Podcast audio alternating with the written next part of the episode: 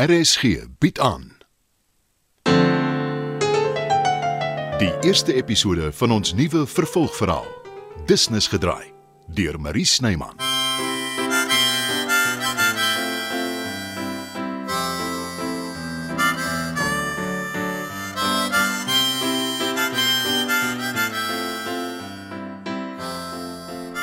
Isabel, asseblief. Wat's verkeerd? Wat is dit? Sy wil net nie ophou nie, bed, sy kan nie meer nie. Miskien moet jy aan 'n dokter toe vat. Die eerste ding wat ek gedoen het toe sy so aan mekaar begin huil het. En My reken daar's niks verkeerd nie. Dis glo my skuld oor ek te veel stres. Dis mos wat dokters altyd sê as hulle nie weet wat aangaan nie. dalk steek haar waarheid in. As 'n ma stres, want die kind tel dit op en dan is dit Wil jy haar nie vat nie? Dalk kry jy haar rustig. Jou ma gaan jou kind oppas, Siepel. Môre, paps. ek gee regtig nie om om bietjie na haar te kyk Wat van jou nie. planne? Ek kan dit skuif. Hoekom? O, pil het my nodig. En Nee, sê dit nie. Ag, oupa is kwaai, nee my skat. Een van jou voorwaardes toe jy die werk by my aanvaar het, was dat ek 'n crash inrig. Ek het dit gedoen. En dis waar jy Isabel bedags los. Die die vrou wat die crash ran is Letitia sê is knap, baie knap. Gekwalifiseerde onderwyseres en paramedikus. Ek en jy en Elvira het saam op haar besluit, as jy reg onthou. Nou goed. Ek sal self na Isabel kyk. Nes jy Nee, verkies. Onthou net om 'n dag verlof in te sit of meer as dit langer vat.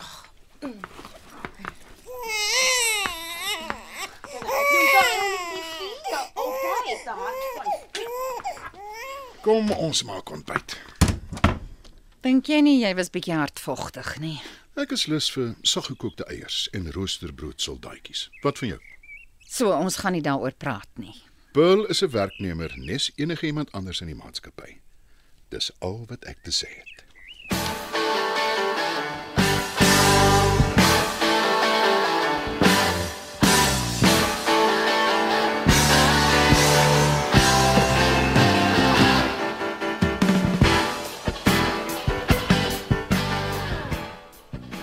Goed, in die hak. Ek gee hom die boodskap sodra hy inkom. Môre, Elvira. Môre pil. Jy kan dankbaar wees. Jy het die kinders, nê? Want dan is jy op jou eie. Maar nou ja, elke ma is eintlik maar 'n enkel ouer en moet tog net nie probeer staatmaak op jou kastige ondersteuningsnetwerkie want dit bestaan nie regtig nie. Bet sal nog help, maar my pa wil nie. Dit lyk my Isabel is knieserig. Gelukkig sal Letitia mooi na haar kyk. Ja, seker. En jy kan gereeld inloer. Babba steek mekaar aan in 'n crash. Gewoonlik ja, maar ek aanvaar Letitia sal goeie voorsorg tref dat dit nie gebeur nie. Nou, hoekom is Isabel dan siek? Soos jy sê, ek het nie kinders nie, ek het ook nie 'n mediese kwalifikasie nie. Wat my betref is jou vraag dus retories. Dit is nie nodig om sarkasties te wees, nê? Weet jy wat beteken sarkasme? Natuurlik, dink ek so nosel. Sarkasme is altyd persoonlik en die bedoeling is om seer te maak en dis nie wat ek probeer doen nie. Maar ek wil Ek jy wil simpatie hê en jy gaan dit nie by my kry nie. Jy het 'n goeie werk, jou kind word gratis versorg. Weet jy hoe min ma's het die soort gemoedsrus? maar ek kla met 'n wit brood onder die arm om ouma Aletta aan te haal. Soos die spreekwoord lui, as die skoen pas,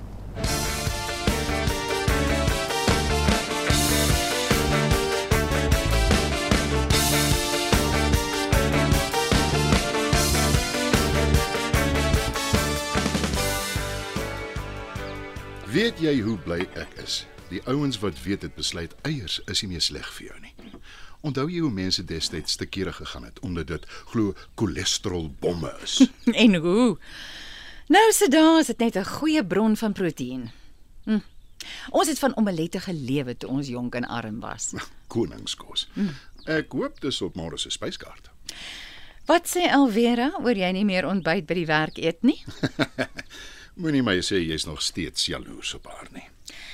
Nog steeds impliseer ek was op 'n stadium en dit is glad nie waar nie. Ek weet, maar dis lekker om jou siel uit te trek. en nou?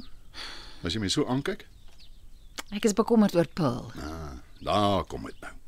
Jy dink ek was oorhaastig toe ek haar aangestel het. Inteendeel. Dit doen haar goed om uit die huis te kom en om finansiëel selfstandig te wees. Maar Isabel is nie siek nie, Chris. Sy voel aan Paul is gestres. maar jy het dan nou net vir my Nie oor die werk nie, oor Sean. Oor haar en Sean. het sy iets gesê. Nee, en sy sal ookie. So dis net 'n vermoede. So ek en jy nie lekker was nie.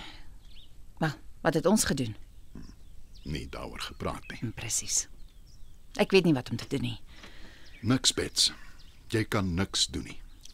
Ek voel so magteloos. Moenie konsentreer op jouself vir 'n verandering. Jy dink al die grootste deel van jou volwasse lewe eerste aan jou kinders. Dis mos maar wat ma's doen, instinktief. Beklei teen jou instink. En nee, nie alle ma's doen dit nie. Net die goeies. Bets, kom hier. Paul sal self 'n oplossing kry. Sê jy sy het my nie meer nodig nie? Nodig hê is een ding en ons is albei daar as dit gebeur. Maar wat sy doen is sy soek die maklike uitweg. Bet sal sorg. Hoe verander mense patroon waaraan jy soveel jare gewoond is? Jy beplan 'n wêreldreis saam met jou man. Is jy regtig ernstig daaroor? Doodlik. Wat van jou maatskappy? Wat daarvan? Het ek nou te doen met die nuwe roekelose Chris? Hm, Miskien Nog iets waarna ek gewoond moet raak. nie noodwendig nie. Dis soos 'n koue swembad. In plaas van voetjie vir voetjie ingaan, knyp jou oë toe en spring blindelings. Of, Dis makliker as wat jy dink. Nou goed. As jy sal, sal ek ook. Ek is lankal gewoond aan die koue water. So waar. Wanneer het jy ingespring? Dink net daaroor, Bets. En maak 'n lys van al die plekke wat jy nog altyd wou sien voordat dit te laat is.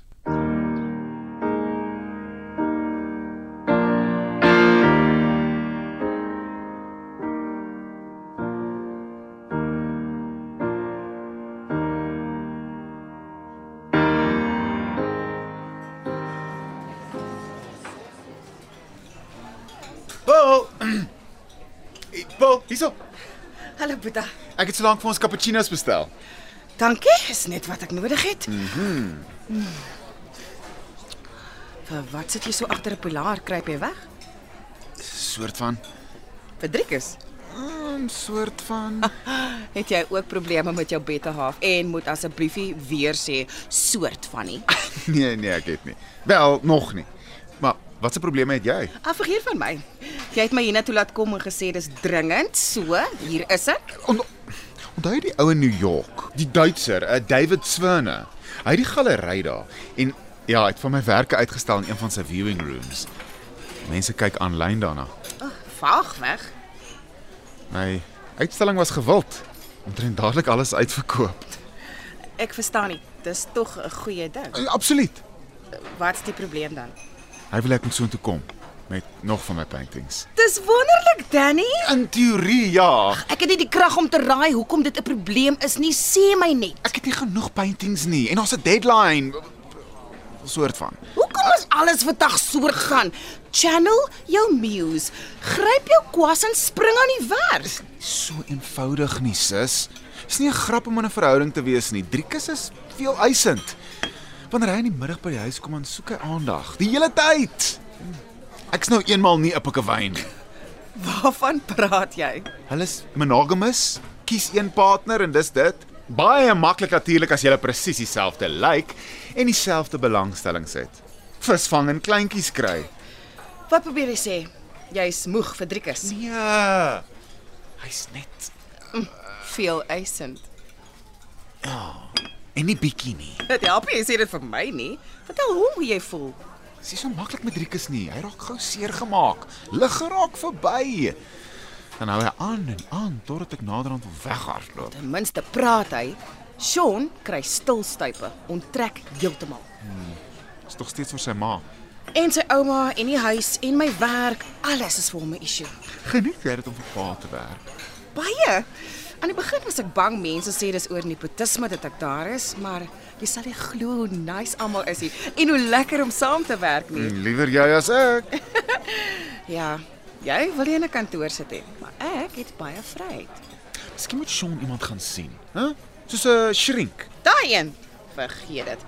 Hy reken hy het nie 'n probleem nie. Tipies passive aggressive. Seker meer geduldig wees. Hoekom? Wat is dit met moed? Dis die een woord wat my lam maak. Ek wil nie gedwing word nie. Jy hoef my niks te sê nie. Ek het saam met jou groot geword. Niemand kon 'n tantrum gooi soos jy as jy nie jou sin kry nie. Ek staan nie meer dieselfde seentjie nie. Jy's so talentvol, Boeta. Driekus weet dit.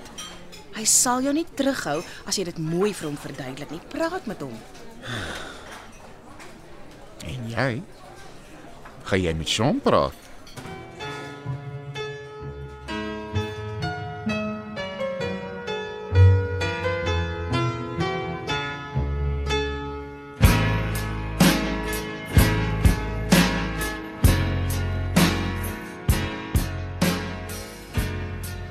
Voor jy raas, ek weet ek is 'n bietjie laat. Jy hoef nie by my verskoning te maak nie. Jy's die baas. Môre, Chris. Môre Elvira. Enige afsprake? Jou oggend is oop, Wonderlik. want jy gaan vir jou jaarlikse mediese ondersoek. Stel dit uit. Toe. Ek het al. Jou dokter dreig hy kom haal jou as jy nie opdaag nie. Julle twee het 'n komplot teen my. Moes jy asof ek siek is nie. Eintlik het ek lanklaas so goed gevoel.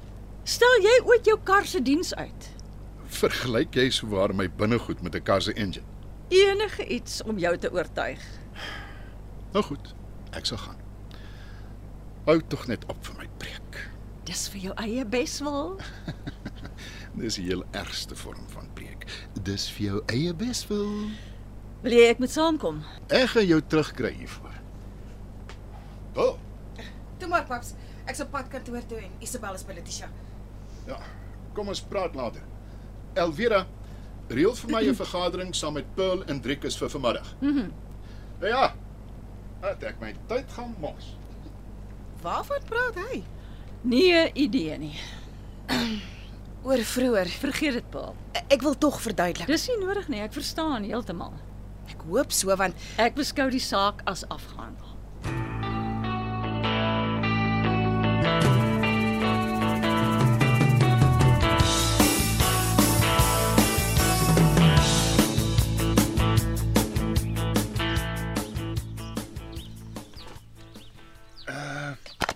Sjokolade vir die heel mooiste ma in Pretoria. Probeer jy my vet maak? Nooit amandels gedoop in donker sjokolade. amper niks kalorieë in nie. Ek weet dis jou gunsteling. Jy het of droog gemaak of jy wil iets hê. Skaam jou moederliefde. Is dit wat jy dink van jou enigste seun? Die lig in jou lewe. Wat is dit dan nie? Uit daarmee.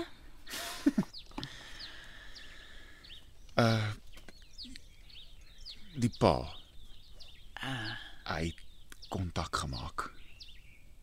Waarvan praat jy en hoekom fluister jy? Dis net ek en jy hier.